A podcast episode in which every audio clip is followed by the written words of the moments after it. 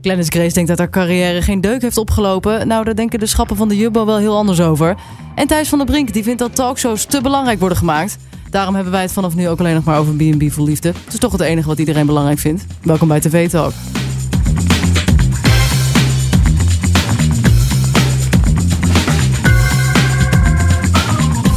Welkom bij TV Talk. Dit is de podcast die jou iedere dag bijpraat over wat je hebt gemist op de Nederlandse tv. Ik ben Charlotte en ik zit hier weer met Siebe en Stefan. Hallo, hallo. Ja, we zijn er weer. Het olijke duo. Ja, Magic Duo. Ja, we bespreken vandaag de eh, televisieavond van donderdag eh, 17 augustus. En wat was dat voor avond? Ja, Ja, Dat is altijd zo'n mooie vraag. hè? ja, dat vind ik altijd de meest lastige vraag die er is. Ehm, nou, jij noemde het al in de int. Ik kan wel gewoon even opnoemen wat we hebben gekeken. Misschien dat dat makkelijk is. Ja, Laten we mee beginnen. ja, we, Ja, ja. RTL Boulevard. Nou, daar hebben we een fragmentje uit meegenomen. Oh, En eh, jij noemde het net ook al. Daar was ook een groot onderdeel was Glennis Grace. Die is Ja. bij eh, Robert Rodeburg. Rodeburg, ja, Zijn ik wilde Dormans zeggen. Eh, die ehm, is daar geweest bij Open Casa en die werd daar geïnterviewd. En ja, daar heeft ze weer... Ja, ik, ik vind het niet zulke handige uitspraken gedaan. Dat haar ding in het slechte daglicht is gekomen. Dat allemaal Ja, maar die vrouw die is zo, ja. Ja, Nou, ik denk dan, doe, zeg dat dan niet. Ga verder met je carrière proberen op te bouwen. Ga niet zeggen... Ja, als je het wil zien, moet je het maar even bekijken op zijn Ja. YouTube-kanaal. Is het het waard of heb je niet? je Ik niet ga het niet bekeken. Ik wil het zeggen, ik heb, ik heb hem niet gezien hoor. Ik was ook Nee, niet nee bij Boulevard zat een klein stukje ervan. Dus misschien dat het pas morgen online komt of zo. Dat zou ook kunnen. Maar Ja, nee, het is, eh, nou ja, we- ja, ze blijft zichzelf maar verdedigen. Ze wil Ja. zichzelf er maar uit blijven lullen, maar dat, dat lukt gewoon niet. nee, ze is ervoor veroordeeld, sterker Ja. nog. Dus eh, Wat, ehm, wat hebben jullie meegenomen? Laten we het dan daarover hebben. Want dan hebben jullie denk ik de interessantste Ja, wat dingen de- van de avond eh, kunnen we gewoon laten horen. ja, nou ja, eigenlijk eh, eh, wat nog belangrijk is om te zeggen wat we niet hebben meegenomen is B&B voor liefde. Daar gebeurde een hoop in. Precies als ik denk van, nou, we zullen vanavond wel bier Ja, maar- liefde Nee, doen. nee, nee. het nee, moet nee. toch even, want ook we hebben zo'n mooi scherm op de redactie hangen waarop je kan zien wat op Twitter en eh, eh, social media toch? eh, Ja, wat allemaal is. een beetje trending is. Ja, en er zat en nou heel veel B&B zat ertussen. Ja, en want vanavond is de bom gebarst in Thailand. Ja. Ehm, oh ja, ehm, je moet me even helpen met de naam van de vrouw. Martijn. Martijn en Tamara. Die Tamara. hebben ruzie gehad. Ja, ik kan het helemaal uitleggen, Ja, want ik ben dus groot fan. En eh, toen heeft met, ja, dat was echt heftig. Want die hadden het dus heel leuk samen. En van de ene op de andere dag Ja, eh, loopt ze dus boos weg. En zonder nog een woord te wisselen gaat zij gewoon weg. ja, Dus ja daarom een dacht ik ook discussie. van, je hebt er vast wel Ja. wat van meegenomen. Maar je zei al een keer eerder van, het is, het is moeilijk om iets korts. Ja, Want het is Ja. natuurlijk zo'n uitgerekt programma. ja, ze doen natuurlijk heel slim. Ze stoppen in, eh, in hun aflevering van een uur fragmenten die misschien tien minuten op elkaar zitten. En dat smeren ze helemaal uit alsof het echt heel lang uit elkaar zit. En ja, het kwam erop neer. Ze waren boos dat er weinig werd gesproken tussen de twee opeens. En zij gaf aan dat het aan hem lag. En hij gaf aan dat het niet aan hem lag. Nou, enzovoort, enzovoort. En uiteindelijk toen eh, heeft ze de, kwam ze terug van het strand, van het uitwaaien. En toen draaide hij zijn rug naar de toe toen ze binnenkwam lopen. Toen is ze naar de kamer gegaan, heeft ze de tas ingepakt. Toen zag je er weer aankomen, draaide hij weer zijn rug naar de toe. Dat En ze liep de straat shot, uit. Ja, dat laatste shot dat je hem daar zo ziet, ziet zitten. En hij doet net alsof het hem niks boeit. En dan zie je haar zo achter zijn rug Ja. Zo weglopen met die koffer heel boos. Ja. Ook alsof de productie van dat programma Ja, zo film, naar het vliegveld heeft laten Ja, lopen. ja, en ehm, later in de uitzending zei hij wel nog tegen zijn beste vriend Martin dat hij heeft gehuild van boosheid omdat hij niet kan Ja. begrijpen hoe het nou kon gebeuren, et cetera. Ja, ik blijf een ja, lieve ja, vinden. Maar Ja, goed, Ja, dat, want ja, dat was B&B voor liefde. Ja. Maar ik snap wel dat het moeilijk is om daar iets uit mee te Ja. nemen. Maar het is zeker nog even terugkijken waard. Want Ja. het was Ja. echt ook cinematografisch een, gewoon een masterpiece. ja, het was echt weer goed. Ja. Ik, misschien hebben ze het wel overnieuw gedaan hoor, dat loopje en zo. Want het, Ja, het was dat eigenlijk er te echt goed. goed, uit. Ja. Ja. Wat hebben jullie wel meegenomen? ja, nou uit Nieuwsuur hebben we wat meegenomen. Dat want- is ook een eh, verrassing. Ja, wat Ja. serieuzere boeg eh, zijn we nu. Meer over de financiële kant. Gaat Oh, natuurlijk slecht met, dat met de mensen in, eh, in Nederland. Nou, het is- er zijn ongeveer bijna een miljoen mensen tegen de armoedegrens aan. Ja. Stefan heeft uh, nieuws gekeken. Ja, ja, want Peter Hassekamp, dat is directeur van het Centraal Planbureau. En die re- eh, rekent altijd de cijfers uit, ook voor politieke partijen. Mhm. En CBS kwam gisteren met de cijfers op basis van het afgelopen half jaar. Dus dat we in een milde recessie, als ik het goed zeg, zitten. Ja. Ja. Ehm, en het eh, Centraal Planbureau had juist weer een ander idee. Die had dus weer dat de economie gaat groeien. Dat was meer een voorspelling. Ik weet niet of ik het goede term gebruik, maar voor de komende tijd. Maar hij benadrukte wel eh, dat het voor de lage inkomens wel lastig wordt. En daar hebben we een fragmentje van meegenomen.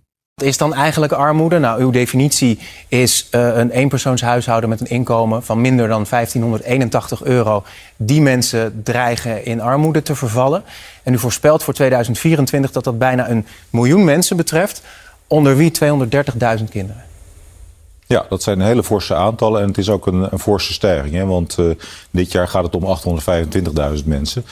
Uh, en kijk, het kabinet heeft vorig jaar en het jaar daarvoor maatregelen genomen om huishoudens te ondersteunen in die energiecrisis. En, en dat heeft natuurlijk ook geholpen bij uh, de inflatie, bij het, bij het ondersteunen van het huishoudbudget. Maar die maatregelen zijn voor een deel tijdelijk en die vervallen aan het, aan het eind van dit jaar. Uh, en dat betekent dat met name de laagste inkomens uh, ja, toch meer moeite zullen hebben om rond te komen. En dus onder die armoedegrens kunnen uh, vallen. Ja, goed verhaal. En uh, Johan had ook zijn eigen oplossing. Um, want hij had het ja, Johan Derks, toch? Ja, Johan Derks in, uh, in ja. VI. Die had in de uitzending ook zijn eigen oplossing. werd een beetje aangekondigd van... Johan heeft de oplossing voor het, uh, voor het armoedeprobleem in Nederland. En zijn oplossing, oplossing was dat de ongeveer 200.000 miljonairs in Nederland... of de hele rijke mensen... dat die dus een gezin in armoede... onder, ja, onder hun dak zouden nemen om gewoon voor hun te zorgen. En dat als alle rijke Nederlanders dat doen, uh, dus bijvoorbeeld drie gezinnen pakken. Dat de overheid daar gewoon buiten kan blijven. En dat we het als Nederlanders gewoon zelf gaan regelen. Want hij heeft geen vertrouwen meer in dat de overheid gaat doen. Dus hij denkt, als de rijke Nederlanders het gewoon aanpakken, dan fixen het met z'n allen. En dat wou hij dus, dus zeg maar oproepen aan alle rijke ja. Nederlanders om het te doen. En Wilfried was de eerste ja. kandidaat volgens hem. Ja, nou dat ja. vind ik een heel mooi idee. Maar ja, of dat ooit gaat werken. Er komen dus iets van 200.000 rijke of miljonairs komen erbij. Ja, dat is toch niet normaal? Ja. Waar gaat, hoe kan, ja, het is echt zo. Waar komen ze vandaan? Ja, waar komen ze vandaan? En het is echt zo, als je veel geld hebt, dan komt er alleen maar meer geld bij. En als je ja. weinig geld hebt, gaat er alleen maar geld af. En inderdaad, wat hij natuurlijk idee. zegt, al die maatregelen, die, die, die vervallen. Maar goed, die komen er misschien ook wel weer opnieuw bij. Ja. Wat heb jij voor idee, Siebe? Ja, ik denk 200.000 op zich zit wel de helft van olifants, denk ik. Aan de vrouwen, toch? Dat is wel een, dat is wel slecht. een grote stijging.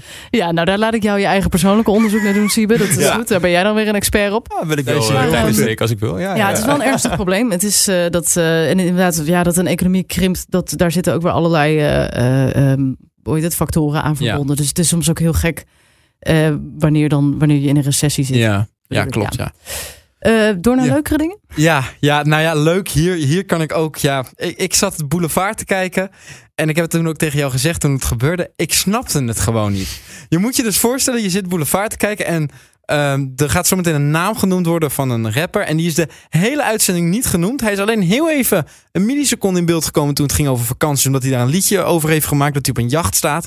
En Lex Uiting maakt opeens bij dat bord met socials maakt hij deze grap. Leeuw Kleine die zegt liever ja tegen MDMA. En Freek Vonk zegt liever ja tegen cheetah. Zeker als hij op vakantie is. Het mooiste katvormig, of, uh, katvormig dier dat uh, er is, zegt hij. En Waylon die... Ja, ik snap het echt. En even voor duidelijk, het ging dus niet hiervoor over Leeuw Kleine. Nee, nee, nee Want anders niet. snap ik de brug natuurlijk nog wel. Leuk, zou je dan denken. Nee, het ging over Ronaldo die 600 miljoen Instagram-volgers had. Nou, en het is dus voor de duidelijkheid, het is een foto met een, van Freek Vonk die poseert met een cheetah. Ja, natuurlijk, dat doet Freek Vonk weer. Alleen Freek Vonk zou dat denk ik doen. Maar ja. dat hij dan weer...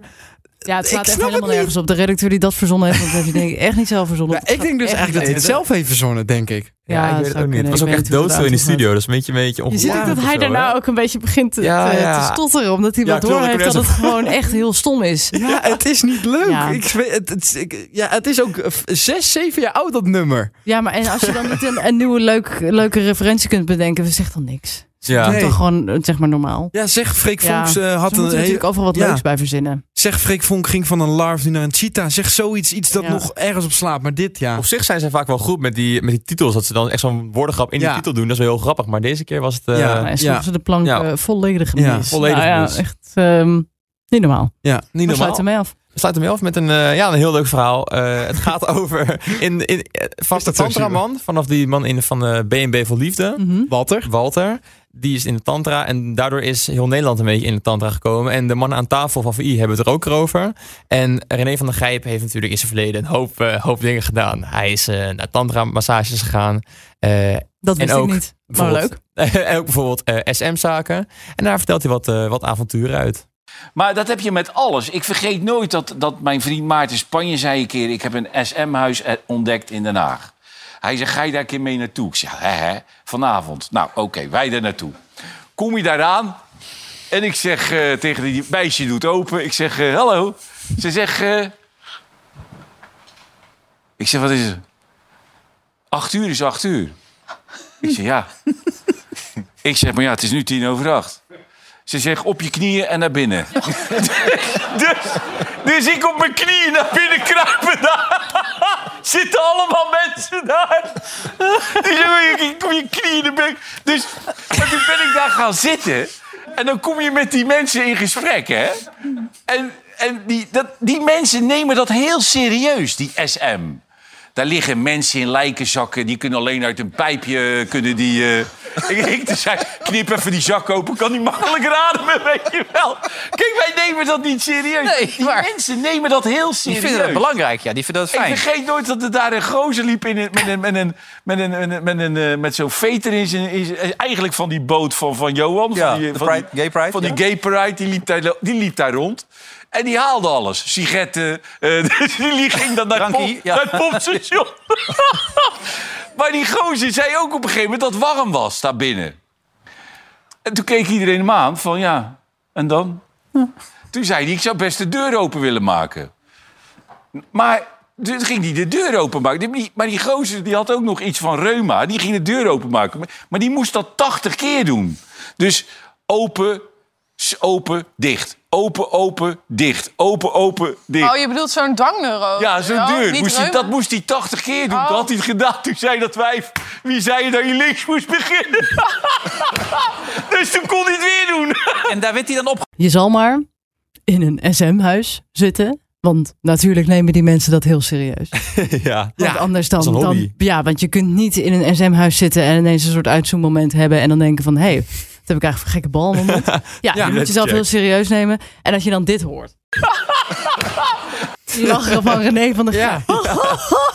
Dat is toch, dat wil je toch niet? Dat is toch verschrikkelijk? Nee, denk jij wel een lekker dagje hebben geboekt en dan eh, komt René binnen. Denk je, Ja, lig je lekker in een lijkzak eh, te ademen door een ritje en dan kom je ineens René van der Grijp tegen. Maar wel goede Ja. straf. 80 keer dat dingetje open en dicht doen en dan nog een keer. Dat is wel, eh, dat is wel lekker. Ja, ik vind het echt weer een bizar fragment dat je hebt meegenomen. Maar het, tekent wel weer de show. Maar jij vertelde dat hij dat dus ook een keer eerder al verteld heeft. Dus ja, het is ik wel herken, echt waar. ik dacht, het verhaal. Ja, hij heeft het al een keer, of het was ergens in een podcast, maar hij heeft, ik herken het, hij heeft het al een keer verteld, ja. Jezus. Maar zou hij dan ook mee hebben gedaan? Hij is daar binnen geweest, dus ik denk dat hij ook op zijn knietjes heeft Ja, het gezeten. klinkt alsof hij er ook een behoorlijke tijd is geweest. Want hij heeft gezien dat iemand 80 keer dat ding ook deed. Ja, ze hebben wel Ja, maar. René Dat heeft dan heel veel uitgehaald. René heeft heel veel uitgehaald. Ja, dat is echt waar. eh, honderden verhalen van hem. Ja, nou, ehm, ik hoop dat ze allemaal nog een keer voorbij komen. Of niet. Dit was hem alweer voor vandaag. Eh, heb jij nou iets gezien op tv of online waarvan je zegt dat moeten ze meenemen? Stuur dan een mailtje naar podcast.hart.talpanetwerk.com. Jongens, bedankt. Ja, graag gedaan. En eh, ja, aan de andere kant van de radio vergeet je niet te abonneren. En eh, volgende week zijn wij er weer.